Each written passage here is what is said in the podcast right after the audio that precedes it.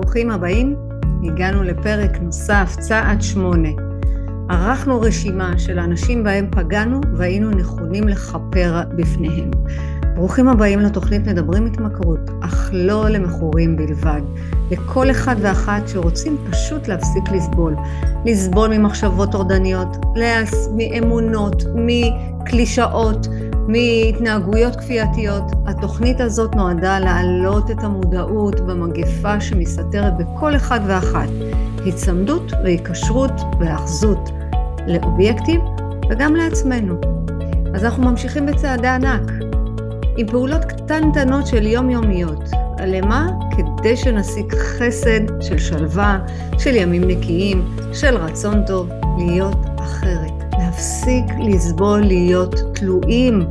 הצעד השמיני והתשיעי מהווים תרגיל רוחני שממשיך את תהליך הפיוס, הפיוס שלנו כבני אדם, כחלק מהניסיון שלנו לשפר את הקשר ההכרתי עם עצמנו, עם החברה, וכמובן עם בורא עולם, אלוהים כפי שאנחנו תופסים אותו. ממש כל הזמן אני אגיד את התפיסה. התפיסה היא באלוהים, מה היחס שלכם אליו? איך אתם תופסים את בורא עולם? איך אתם תופסים את אלוהים?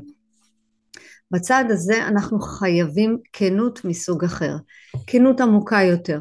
בצעדים השמיני והתשיעי אנחנו צריכים להיות כנים לגמרי לגמרי בעשיית החשבון נפש של עצמנו, כדי שנוכל ללמוד למה אנחנו מרגישים כפי שאנחנו מרגישים לגבי עצמנו. תזכרו, מהצעד הראשון ועד הצעד השנים עשר אנחנו בונים כלי חדש לבריאה, כלי להיות משפיעים ולא רק מושפעים מהסביבה. אנחנו לא יכולים להיות כל היום סביב המדיה החברתית ולתת לה דעת להיות באי שפיות, להפך, אנחנו רוצים כבר להיות במקום אחר. נכון שקוראים לזה דור האחרון, אנחנו דור האחרון, אנחנו דור התיקון, דור של התקנות מחדש, דור של עשיית דברים ממקום אחר, לא ממקום של הנה אני, איך אמרה לי אחת הנשים המדהימות, אחת המשתתפות, אמרה לי תשמעי, נמאס לי כבר מהפרסום, אין לי סבלנות לפרסם את העסק שלי, אני מרגישה שכולם עושים את אותו דבר, אני מרגישה שאני רודפת אחרי עצמי, נכון? אמרתי לה מאוד פשוט, את פועלת מהמקום הלא נכון. ברגע שתמשיכי לפרסם כדי לקבל עוד פידבק, כדי לקבל לייקים, כדי לקבל הנה את, איזה כיף, יופי, את במדיה החברתית וכולם רוצים להיות סביבך ואיתך, זה לא יעבוד. ברגע שאנחנו משנים את התפיסה שלנו מול הבורא, אנחנו משנים את התפיסה שלנו מול הבריאה, הכל הכל הכל משתנה, תלוי מאיפה אנחנו פועלים. והצעד השמיני והתשיעי זה לשחרר אותנו מהתלות. הצעד הזה הוא צעד קריטי. אם לא עושים אותו כמו שצריך, אנחנו עלולים ליפול חזרה לתהום של ההתמכרויות או ההתנהגות האבססיבית. היה, עכשיו הייתה כתבה של עירית רחמים, איך בווידוי לב ובאומץ דיברה על ההתמכרות לקניות. נכון, הרבה פעמים אני מדברת על ההתמכרות לקניות שאומרים לנו, נו, בסדר, זה שופינג, זה כיף, זה ממש ממש ממש לא. היא דיברה כמה רע, היא דיברה כמה אה, היא ניסתה לכפר על זה שאין לה משפחה, היא ניסתה כל הזמן לנסות שלא אה, לא לסבול. איך לא לסבול? דרך קנייה. קנתה בסכומי עתק. הייתה עובדת כל כך קשה, וכל שמלה עלתה לה בין 20 ל-25 אלף שקל, אז תגידו עכשיו, נו מה, יש לה, אז מה? זה לא אומר שצריך ללכת ולבזבז ולתת לאחרא סיטרא, אחרא סיטרא זה הצד האחר, זה הצד האפל הזה של כל היום רדיפה אחרי קניות. יש לה כל כך הרבה בגדים שהיא קנתה בלי, בלי להגיע אליהם בכלל, זה היה מטורף. אם לא ראיתם את זה, זה נמצא בתוכנית של גיא פינס, ממש ממש ממליצה לראות את זה. איזה רע, כל פעם שהייתה חוזרת עם הקניות הביתה, היא הייתה מרגישה עוד יותר בור שחור, ככה אנחנו בהתמכרות. ולא משנה באיזה התמכרות אתם נמצאים, זה יכול להיות הימורים, אלכוהול, סמים, ריטלין, קנאביס, ירוק, חשיש, אה, תלות באנשים, תלות במערכות יחסים, תלות באהבה, תלות בפידבקים, תלות באישורים חיצוניים, בתלות הזאת שאנחנו לא מספיק. התמכרות זו התמכרות עם מחלה רוחנית שנמצאת בכל אחד ואחד, תלוי אם אנחנו מספיק בכנות עם עצמנו, אם אנחנו מספיק בכנות להגיד כן אני מכורה, אני יודעת שיש לי בעיה, אני יודעת שיש לי את החיסרון הזה, אני יודעת שיש לי את הפגם הזה, אני רוצה לשפר אותו. והיא עשתה את זה ברגע שהיא סיפרה שהיא הייתה במיקונוס והבן הצעיר הקטן שלה אמר לה אמא אולי תחזרי בלי שקיות אז נפל האסימון כמה מפח רוח כמה מפח נפש איזה, איזה רוע היא מרגישה בתוך תוכה. זאת אומרת, זה מה שיש לי להציג, ראפתנות, בגדים, אז uh, השיפור שלה והגמילה שלה היה פשוט למכור הכל, ובסכומים בסכומים מאוד מאוד נמוכים, והיא אמרה שהיא גם תורמת את זה. זאת אומרת, הרגע הזה שהיא מבינה שהיא נמצאת בתוך בור שחור, והיא לא מצליחה לצאת ממנו לבד, היא עשתה את הצעד הראשון, קודם כל אני מודה, אני מכורה. הצעד השני אמרה אני צריכה כוח יותר גדול ממני אני חייבת עזרה חיצונית. והצעד השלישי היה זה למסור את הרצון הזה לקנות ומכרה את הכל. לא משנה אני, היא לא אומרת עכשיו זהו היא תהיה סקפנית והיא לא תקנה בכלל. ממש לא. גם אני כמכורה לקניות אני בטח ובטח קונה כי אני רוצה לקנות אבל צריכה להיות מידתיות אנחנו לא יכולים להיות כל הזמן תחת השפעת המחלת ההתמכרות אז ההתנהגות האבססיבית הזאת שכל אחד מאיתנו, אני בטוחה שעשיתם רשימה של פגמים גם בצעד השש, גם בצעד השבע, ממש חשוב, תחזרו לזה. הצעד השביעי והשמיני זה קריטי אם אנחנו לא עושים עכשיו רשימה של אנשים שפגענו בהם, אנשים שנפגעו מאיתנו, תכף אני אגיע, רגע, רגע, רגע, רגע, מה, במי פגעתי, או-הו, בהתמכרות שלנו אנחנו נמצאים בריכוז עצמי, אנחנו פוגעים בלא מעט אנשים, לא תמיד אנחנו מודעים לזה. תארו לכם שבצד השמיני והתשיעי אנחנו צריכים להפסיק להיות בטינה ובכעס.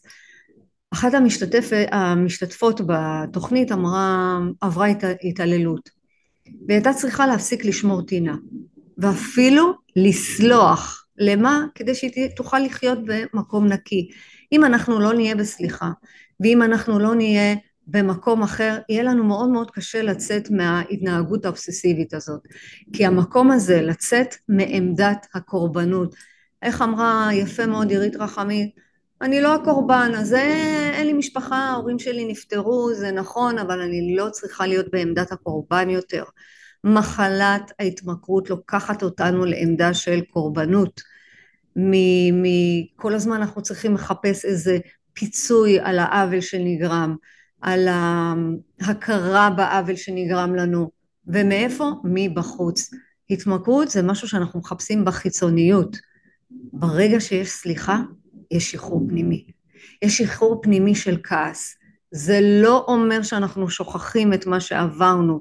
אחת המשתתפות עברה התעללות, היא לא שוכחת שהיא עברה, אבל היא מבינה שהיא רוצה להמשיך לצעוד הלאה, ואם היא רוצה להמשיך לצעוד הלאה, היא תחייב להיות, חייבת להיות בסליחה. קחו לעצמכם רגע ותגידו לעצמכם, רגע, אם אני עכשיו בטינה, האם אני בכעס, זה עוזר לי? זה יחזיר את מה שהיה? זה יחזיר את מה שעבר? זה לא יקרה. אז כדאי לנו להמשיך תמיד תמיד תמיד להיות בסליחה. זה, זאת המטרה שלנו, לסלוח הצעד השמיני מלווה בפעולת רישום. כאן אנחנו עושים מאמץ יותר גדול מאשר עשינו בצעד ארבע. זוכרים בצעד ארבע? עשינו חשבון נפש. כאן אנחנו ממש עורכים רשימה עם מאמץ מאוד גדול כדי לזכור את מי שפגענו בו. רגע, לא להיבהל, עד סוף הפרק אנחנו נדע מה צריך לעשות. גם בצעד הרביעי רשמנו, אתם צודקים, בצד השמיני זה נכונות. נכונות להבין את הזולת על הכאב ועל הסבל שלו. יש לי אה, משתתף, אה, ב, זה אחד על אחד, אמרנו, אמרתי שגברים זה רק ליווי של אחד על אחד, נשים זה בקבוצה. והוא היה מכור לכדורים משככים, והוא היה מכור לאלכוהול. עכשיו, לאט לאט, לאט לאט הוא גם מפחית בעישון שלו, ואני מציינת מפחית, הוא לא יכול להפסיק לגמרי לבד, כי הוא נמצא באיזשהו סוג של אה, אבל, אבל על חבר טוב שנפטר לו. ו... והוא אומר לי, תשמעי, אני, אני באמת, הכדורים אני כבר לא צריך, את האלכוהול אני כבר לא צריך, אבל אני צריך עכשיו להבין למה עדיין אני צריך לעשן. אני עוד לא מבין את הדבר הזה, אני, יש בי, יש בי, יש בי איזה כעס, ועל מי הוא כועס? על אלוהים, כפי שהוא תופס אותו. זאת אומרת שברגע שהוא מתחיל להבין מאיפה הכאב, למה הוא כל כך סובל ולמה הוא צריך את העישון, הוא צריך להתחיל לסלוח. אלוהים לא לקח לו את החבר שלו, ממש ממש לא. אלוהים לא אשם בזה שחבר שלו עשה איזה שהם מעשים ולצערו הרב נרצח, המעשים של החבר שלו הם מה שגרמו לו למות. בורא עולם לא מעניש. אלוהים כפי שאנחנו מבינים אותו לא מעניש. תזכרו שהמעשים שלנו הם אלה שגורמים לנו סבל. לא אלוהים גורם לנו סבל, כי אין רע שיורד מהשמיים. כאן אני רוצה שיהיה פה ממש שחרור של תפיסת קורבנות. זאת אומרת שהבחור הזה הפסיק את הכדורים, הפסיק את האלכוהול, עכשיו הוא צריך להפסיק לעשן. מה הוא אמר לי? אבל אני מפחית. אמרתי לו בסדר, הוא אמר לי אבל זה עדיין מנהל אותי. אני עדיין רוצה, אני, אני יש לי איזה צורך, אני רוצה להעיף את זה, אבל אני עדיין מרגיש שיש לי איזשהו כעס פנימי. יש לי איזשהו כעס. אוקיי, אז בוא נעבוד על הכעס הזה. זאת אומרת שהוא מרגיש עדיין קורבן. התוכנית הזאת ותורת הקבלה אומרת, הכל מתחיל בי ונגמר בי. הכל מתחיל בך ונגמר בך. הכל מתחיל בך ונגמר בך. זה כלי רוחני שמשמש אותנו בעבודת הצעדים. מי שעובר דרך רוחנית יודע, יודע שאין מצב לשנות, אין דבר כזה להמשיך עם כעס, אין דבר כזה להמשיך עם טינה, לא משנה איפה אתם נמצאים, אם לא תהיה סליחה ולא, נפ... ולא נשחרר את הכעס מתוכנו, יהיה לנו מאוד מאוד קשה להמשיך בצעדים. אבא שפגע בבן שלו לעולם, לעולם לא יהיה כמו שהבן רוצה. השינוי מתחיל בבן והאבא אולי ישתנה בהתאם. לכן העשייה שלנו והתוצאות לעשייה שלנו מתחילות ונגמרות בנו. אני חוזרת, הכל מתחיל בנו ונגמר בנו. התוכנית מדברת על מכורים ועל אנשים שרוצים אה, להפסיק לסבול. נכון? אבל זה לא רק למכורים. אין דבר כזה שאדם שסובל ממערכות יחסים מעוותות או מיחסים מנותקים, אנחנו עדיין צריכים לקחת אחריות. לא משנה באיזה מצב אנחנו נמצאים, עדיין צריכים לקחת אחריות. אם אני ממשיכה עם המשתתף הזה, אמר לי, תשמעי, יש בי איזה כעס. איך, איך החבר הכי טוב שלי נרצח? מה הוא עשה לפני? איזה מעשים הוא עשה כדי שיגיעו, שהוא יגיע להירצח? תחשוב רגע לבד. עכשיו בוא נראה איזה אחריות אתה לוקח. במקום להיות בעמדה של קורבנות, של עמדה של התמסכנות, וואי החבר שלי נרצח ואני לא יודע איך להחזיר לו ואיך לא עזרתי לו ואיך ראיתי, איך לא הייתי בזמן הזה אולי להפסיק את זה או איך לא משכתי אותו או לצאת רגע ולקחת אחריות על החיים שלך. עכשיו את החבר לא ניתן להשיב. את העישון אי אפשר להמשיך. בוא עכשיו בוא תראה איך אתה לוקח אחריות על החיים שלך להפסיק לעשן לגמרי. איך? קודם כל לא להיות בכעס. קודם כל לשחרר את הכעס. איך? על ידי הרשימה. על מי אני כועס? על בורא עולם אני כועס? על אלה שרצחו אותו אני כועס? על ההורים שלו אני כועס? על מי? על החברה שלו? כל האלה צריך לעשות רשימה כשאנחנו לוקחים אחריות מלאה על עצמנו ועל מה שאנחנו עושים לאחרים, אני מדגישה לאחרים, תסתכלו, אין מצב שלא פגענו במישהו, אין דבר כזה, אנחנו בני אנוש, אין דבר כזה שעברנו את ההתמכרות הזאת, או בכלל התנהגות כפייתית, שלא גרמנו למישהו אחר ופגענו בו. מחלת ההתמכרות היא ברוחניות ולכן היא סוחפת את המכור לטינות כל פעם הוא מחיה אותן מחדש. כל פעם שהוא רוצה לעשן הוא מצדיק את זה שאת החבר שנרצח ויש לו איזה טינה כלפי הרוצחים, מה קורה לו? הוא לא יכול להפסיק ככה ולכן אם הוא יעשה את הרשימת טינות זה, זה לא, אנחנו לא עושים את החשבון נפש, להפך פה אנחנו עושים ממש רשימה במאמץ מאוד גדול והבסיס הרוחני לצעד הזה זה יושרה. יושרה. הסליחה והנכונות. זה לא טבעי לנו לסלוח, זה לא טבעי לנו לבקש סליחה, זה לא טבעי לנו עכשיו לשחרר את הטינה. הכי טבעי לנו זה להיות בכעס, הכי טבעי להיות בטינה. לפעמים בצד הזה אנחנו פותחים פצעים ישנים ונשכחים. מה אנחנו רוצים? לפתח נכונות להתמודד, להתמודד עם האשמה ולהיפטר ממנה. הצעד הזה זה המשך לצעד שבע, ענווה. זוכרים כמה דיברתי על ענווה? שדיברתי עליה בצעד השביעי? גם כאן זה צעד משמעותי. הוא מבחן לענווה, זאת אומרת אם אני כבר מבינה את צעד שבע, אני מבינה מהי ענווה, הצעד הזה, הצעד השמיני, זה ההמשך. אני, אני כותבת, אנחנו עושים את הרשימה הזאת, אבל אנחנו עדיין בענווה שאנחנו לא יכולים לבד לפתור את זה. המטרה שלנו זה שחרור וטיהור מאשמה ופחד. זה לקוח ממכורים אנונימיים 1996. שחרור וטיהור מאשמה ופחד. כמה פעמים אנחנו יושבים עם אשמה. אשמה, מה עשיתי לילדים, מה עשיתי להורים, איך התנהגתי למורים, איך התנהגתי לחבר או לחברה. האשמה זה הצעד הראשון שאנחנו צריכים לשחרר. שאלה שנשאלתי על ידי אלכוהוליסט. הוא שאל אותי, ואולי אתם תזדהו איתה, מההתנהגות שאתם מתמודדים איתה, גם אם זה לא אלכוהול. הוא שאל אותי שאלה פשוטה שלכאורה בתמימות הדעת. הוא אמר לי, תגידי לי, מה, אני לא אוכל לשתות יותר אף פעם? יהיו אירועים בעתיד, מה, אני לא אוכל לשתות? זהו, אם אני מפסיק לשתות אז אני מפסיק לנצח? עניתי לו תשובה פשוטה, לעולם לא נדע מה יהיה. אנחנו חיים ברק להיום. כל התוכנית הזו מבוססת, כל תורת הקבלה מבוססת, אנחנו חיים, שימו לנגד עיניכם את הרגע ואת השעה. אנחנו חיים ברק להיום, ב-24 שעות. להיום אתה לא שותה. מה יהיה בעתיד? אין לי שמץ של מושג. להיום אתה לא יכול לשתות. להיום אתה לא יכול להמר, להיום את לא יכולה לקנות בקניות אובססיביות, להיום את לא יכולה להיות באכילה כפייתית, להיום את לא יכולה להיות בתלות בבעל או אתה באשתך, להיום, אנחנו חיים ברק להיום. אנחנו חיים בסביבה אנושית ולכן אנחנו צריכים לתרגל אורח חיים שיעזור לנו לשרוד. בצד השמיני אנחנו צריכים נכונות להשתחרר מכל אותם אנשים שכבולים איתנו במעגלים של טינות. תראו מה אני אומרת.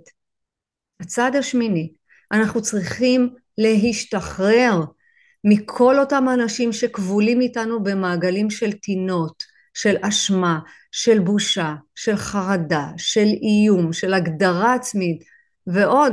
לא, המטרה של הצעד הזה זה לפתח מערכות יחסים טובות ובריאות עם כל אדם שאנחנו פוגשים.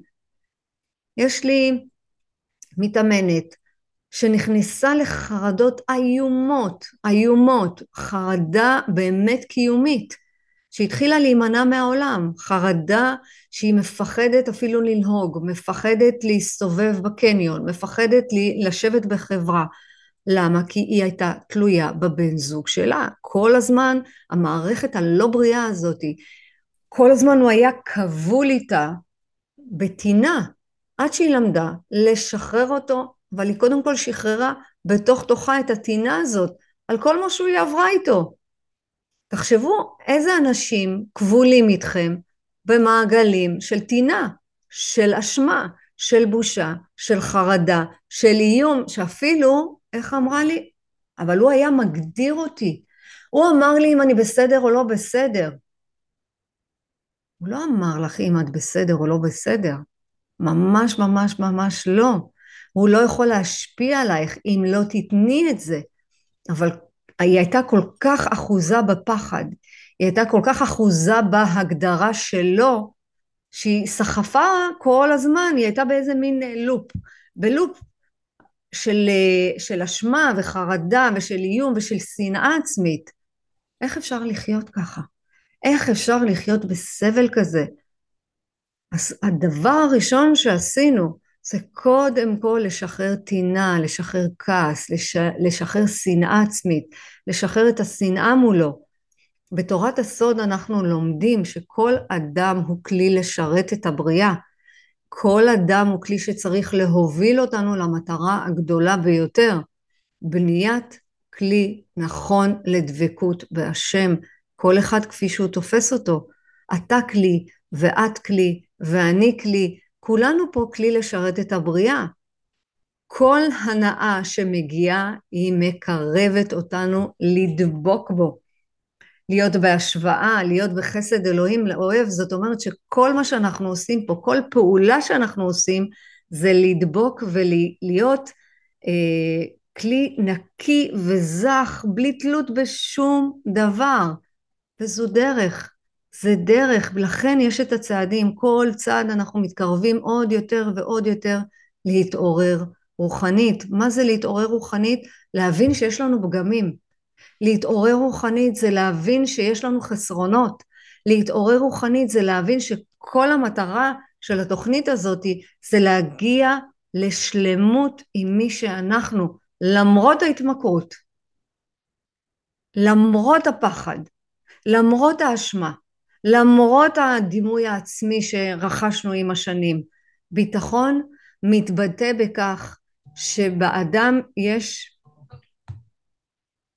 ואני חוזרת, מישהו הפריע לי בטלפון, סליחה, ביטחון מתבטא בכך שקיים באדם ביטחון שיכול להגיע למטרה, ואמונה שהשם יכול לעזור בכל אחד שירצה להתקרב אליו. אז הביטחון שאני יודעת שאני צריכה להגיע למטרה נעלה יותר. מהי המטרה? לדבוק, להשתוות בצורה, להיות בכלי הרבה יותר גדול, כלי יותר רחב.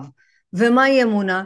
שהבורא, כוח גדול, כוח עליון, כפי שאתם תופסים אותו, יכול לעזור לנו להתקרב למטרה הגדולה. והבניית הכלים שלנו זה לדבוק בו, ברוחניות. לכן כל אדם, כל אדם הוא חלק מהבריאה. וזה הפיתוח מודעות שלאט לאט אנחנו זוכים בגישה החדשה אל עצמנו ואל אנשים סביבנו זאת המטרה של עבודת הצעדים. אנחנו לא רק מצטערים על העבר שלנו, אנחנו אחראים עליו. לנשום עמוק. אני חוזרת. אנחנו לא רק מצטערים על העבר שלנו, אנחנו, עליו, אנחנו אחראים עליו. הרי במה אנחנו נלחמים בסוף? בריכוז העצמי. הרצון לקבל לעצמנו בלבד. אנחנו נלחמים בזה כל יום. הצעד השמיני מצריך בדיקה של מערכת יחסים שהיו לנו בעבר. אני קוראת לזה האנשים שהשתמשנו בהם כאובייקטים. אחת המשתתפות אומרת לי, תשמעי, אה, היועצת העסקית שלי אמרה לי שאני אעלה פוסט ואני אבקש מה, מהמתאמנות שלי שיכתבו כמה אני נהדרת, כמה אני מהממת, כמה אני טובה, כמה הטיפול הזה טוב. ואז שאלתי אותה בפשטות, אמרתי לה, היית רוצה שיעשו לך את זה? היית רוצה עכשיו שאת באה אליי ואני אומרת לך, תכתבי עליי כמה אני בסדר, ואת לא רוצה עכשיו לחשוף שאת אצלי ב... בליווי, ולא בא לך עכשיו לכתוב. אני לא יודעת באיזה מצב יצאת מהמפגש. לא יודעת, ואני אומרת לך, תכתבי עכשיו כמה אני בסדר. מה זה עושה לך? אמרה לי, אה, זה פחות נעים לי. אמרתי לה, נכון, זה פחות נעים לך. אני לא רוצה שתשתמשי באנשים כאובייקטים, וזה מה שעשינו עד עכשיו.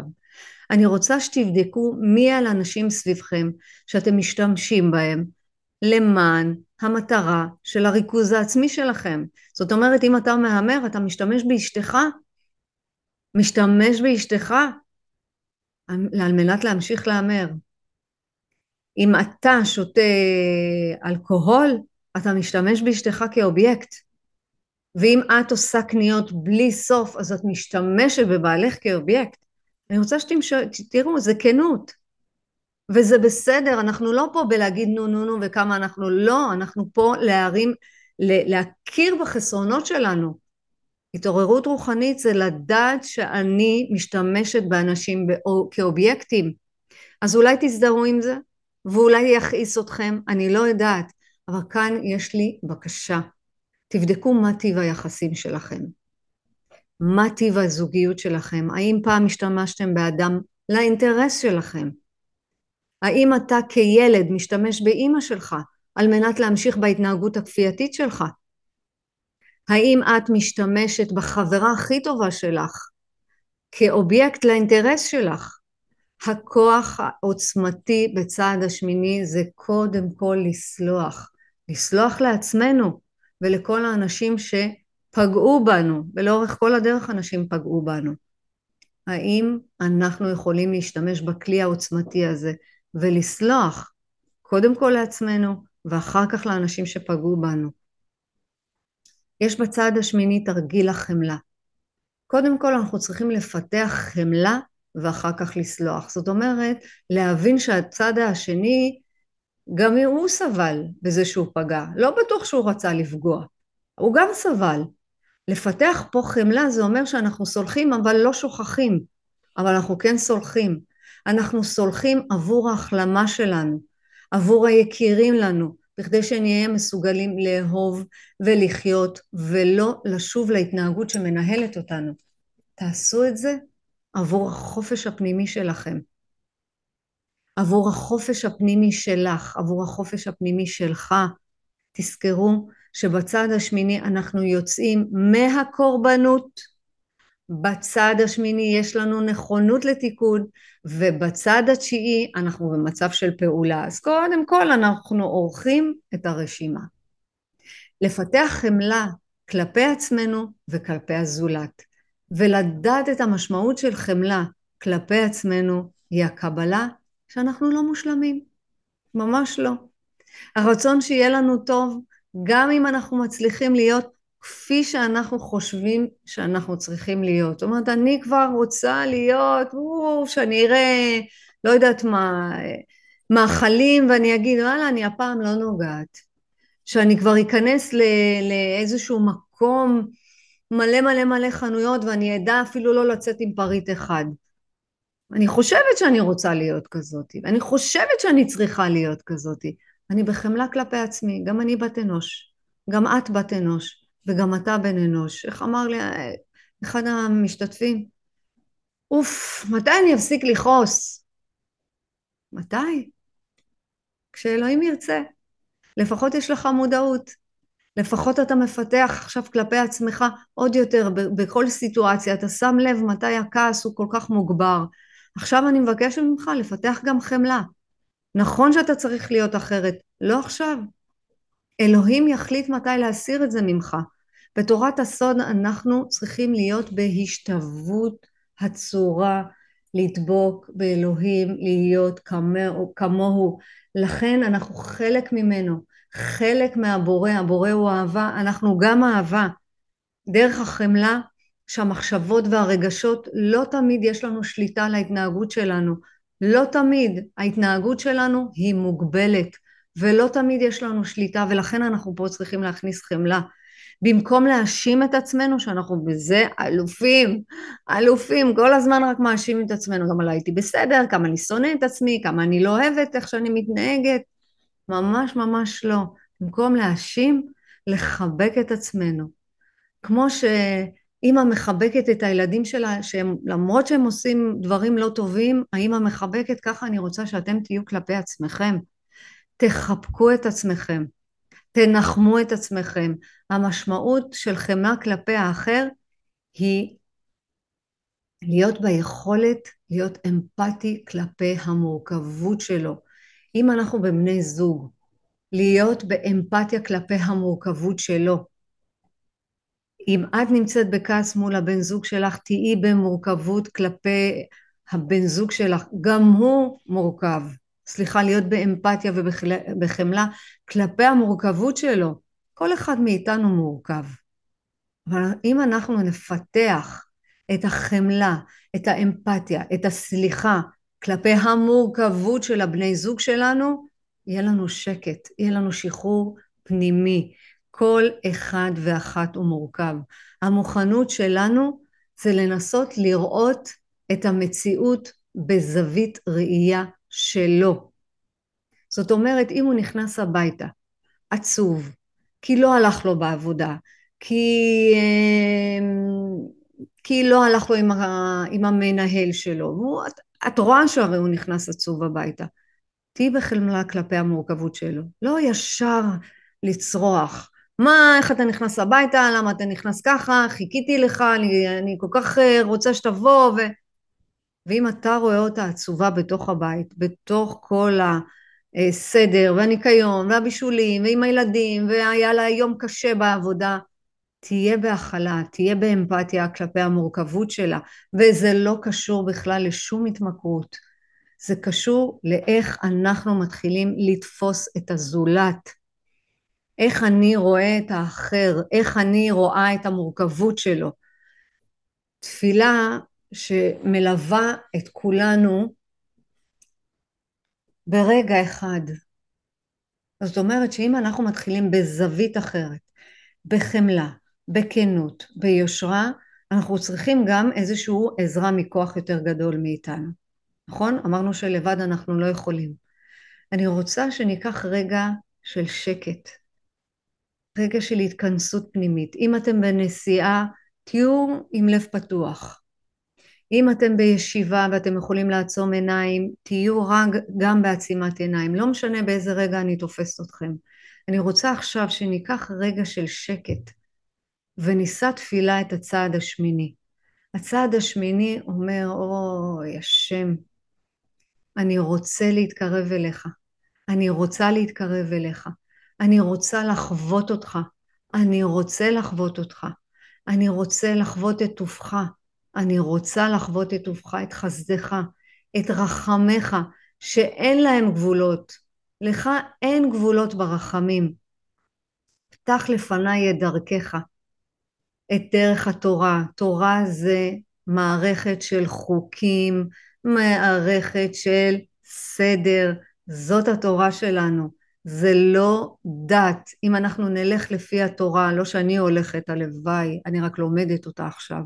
אם אנחנו נדע שהתורה זה מאור, התורה זה עם, אותיות עם עקרונות רוחניים, עם כוחות רוחניים, אנחנו מבינים שכל התורה הזאת היא בסך הכל סדר וארגון, חוקים, ברצף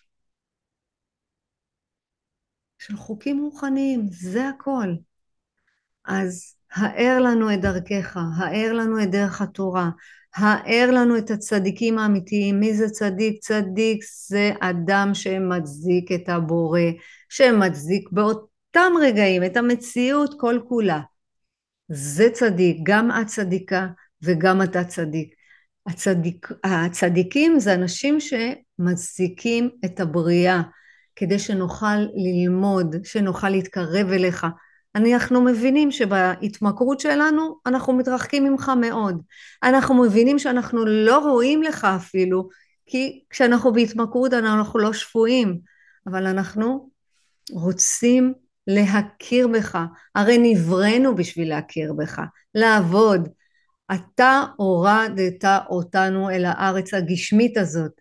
אתה שמת אותנו במקום שלנו, במצב הזה, כשאנחנו חשופים לכל כך הרבה פיתויים יומיומיים של החיים הארציים החומרים האלה. ויותר מזה, אני יודע, ואני יודעת שזה לטובתי. את, אנחנו יודעים עכשיו שאנחנו צריכים לחפש את האמת, לחפש אותך. אנחנו רוצים להתעלות מעל השקרים הרווחיים האלה שסביבנו. לפעמים אנחנו חלשים. אני יודעת ואני יודע שאנחנו מורכבים. ואנחנו לא מצליחים להתקרב אליך ולהתגבר על התאוות שלנו. עזור לנו להתקרב אליך. עזור לנו תמיד את הנוכחות שלך כדי שנוכל להתקרב ולהיות בשמחה ותמיד לחוש אושר ואהבה וגאווה גם על הרגעים האלה. התפילה הזאת, אם תרצו אותה, אשלח לכם אותה זה של רבי נחמן שכתב אותה בשיא, השיא, השיא, השיא, השיא, השיא, השיא עצבות שלו. גם לא היו תאוות, וגם לא היו קשיים. אין צדיק כמו מקובל שלא עובר קשיים. אבל הם יתגברו, גם אנחנו נתגבר על התאוות שלנו, גם לנו יש את כוח ההתגברות שלנו, גם אנחנו רוצים שינוי, גם אנחנו רוצים להפסיק לסבול, גם אנחנו רוצים להיות מאושרים. אני בטוחה שכל אחד ואחת, אתם המאזינים, גם עכשיו אתם יושבים עם עצמכם, בטח, גם אני רוצה, גם אני רוצה. בסדר, אנחנו עושים פעולות רוחניות, ולאט לאט הדברים קורים. אני מבטיחה שלאט לאט הדברים קורים.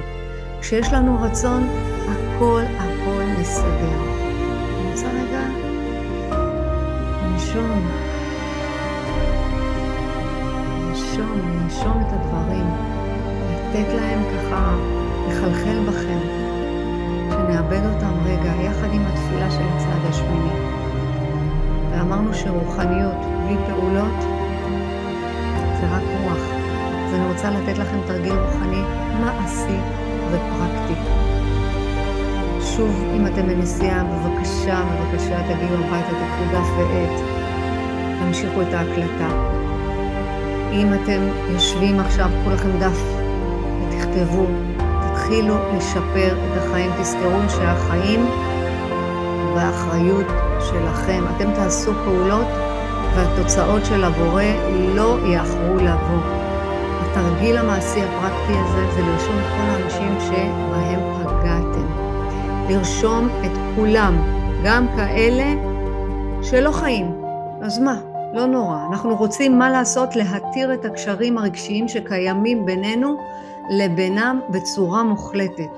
החמלה היא הפעולה המנטלית שאנחנו מפעילים על עצמנו על ידי שחרור של כל אותם האנשים בחיים שלנו. זה התרגיל. זאת אומרת, זה אני עכשיו כותב הכל, בצד השמיני אנחנו נמשיך בפעולות, אבל קודם כל לרשום. לרשום את כל האנשים בהם פגענו, לרשום את כולם כדי שנתיר את הקשרים האלה, כדי שתהיה לנו חמלה, כי החמלה היא הפעולה הכי הכי הכי חשובה. איפה היא נעשית? בתודעה שלנו, כי היא פעולה מנטלית. יקרים ויקרות, כולי תקווה שהצד הזה יעזור לכם להיות בחמלה כלפי עצמכם וכלפי אחרים. אחרי שתעשו את התרגיל הרוחני הזה, משהו יתחיל להשתחרר בכם. מה זה חופש פנימי? ככה לאט לאט אתם, אתם תצליחו.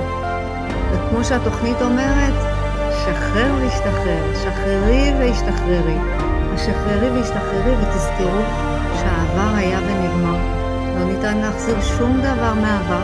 העתיד לא קיים, ורק להיום, לרגע הזה, זה מה שנשאר. כמובן שאני נמצאת גם ביוטיוב. אתם יכולים בשמחה ובאהבה להמשיך לשתף. ההודעות שאתם שולחים לי מחממים את הלב ואת הנשמה. ואני מזכירה שוב, ב-28 ל-11 2022 נפגשות לתוכנית נוספת, 12 הצעדים להתעוררות רוחנית ברוח היהדות, בינתיים רק לנשים, אחד על אחד גברים, ואני נמצאת בכל מיני אתרים, באינסטגרם, בפייסבוק, באתר שלי, בא לכם, אתם יכולים גם להירשם לרשימת התפוצה, מה שבא לכם. העיקר שתהיו בחמלה כלפי עצמכם וכלפי אחרים. להתראות בצעד הבא.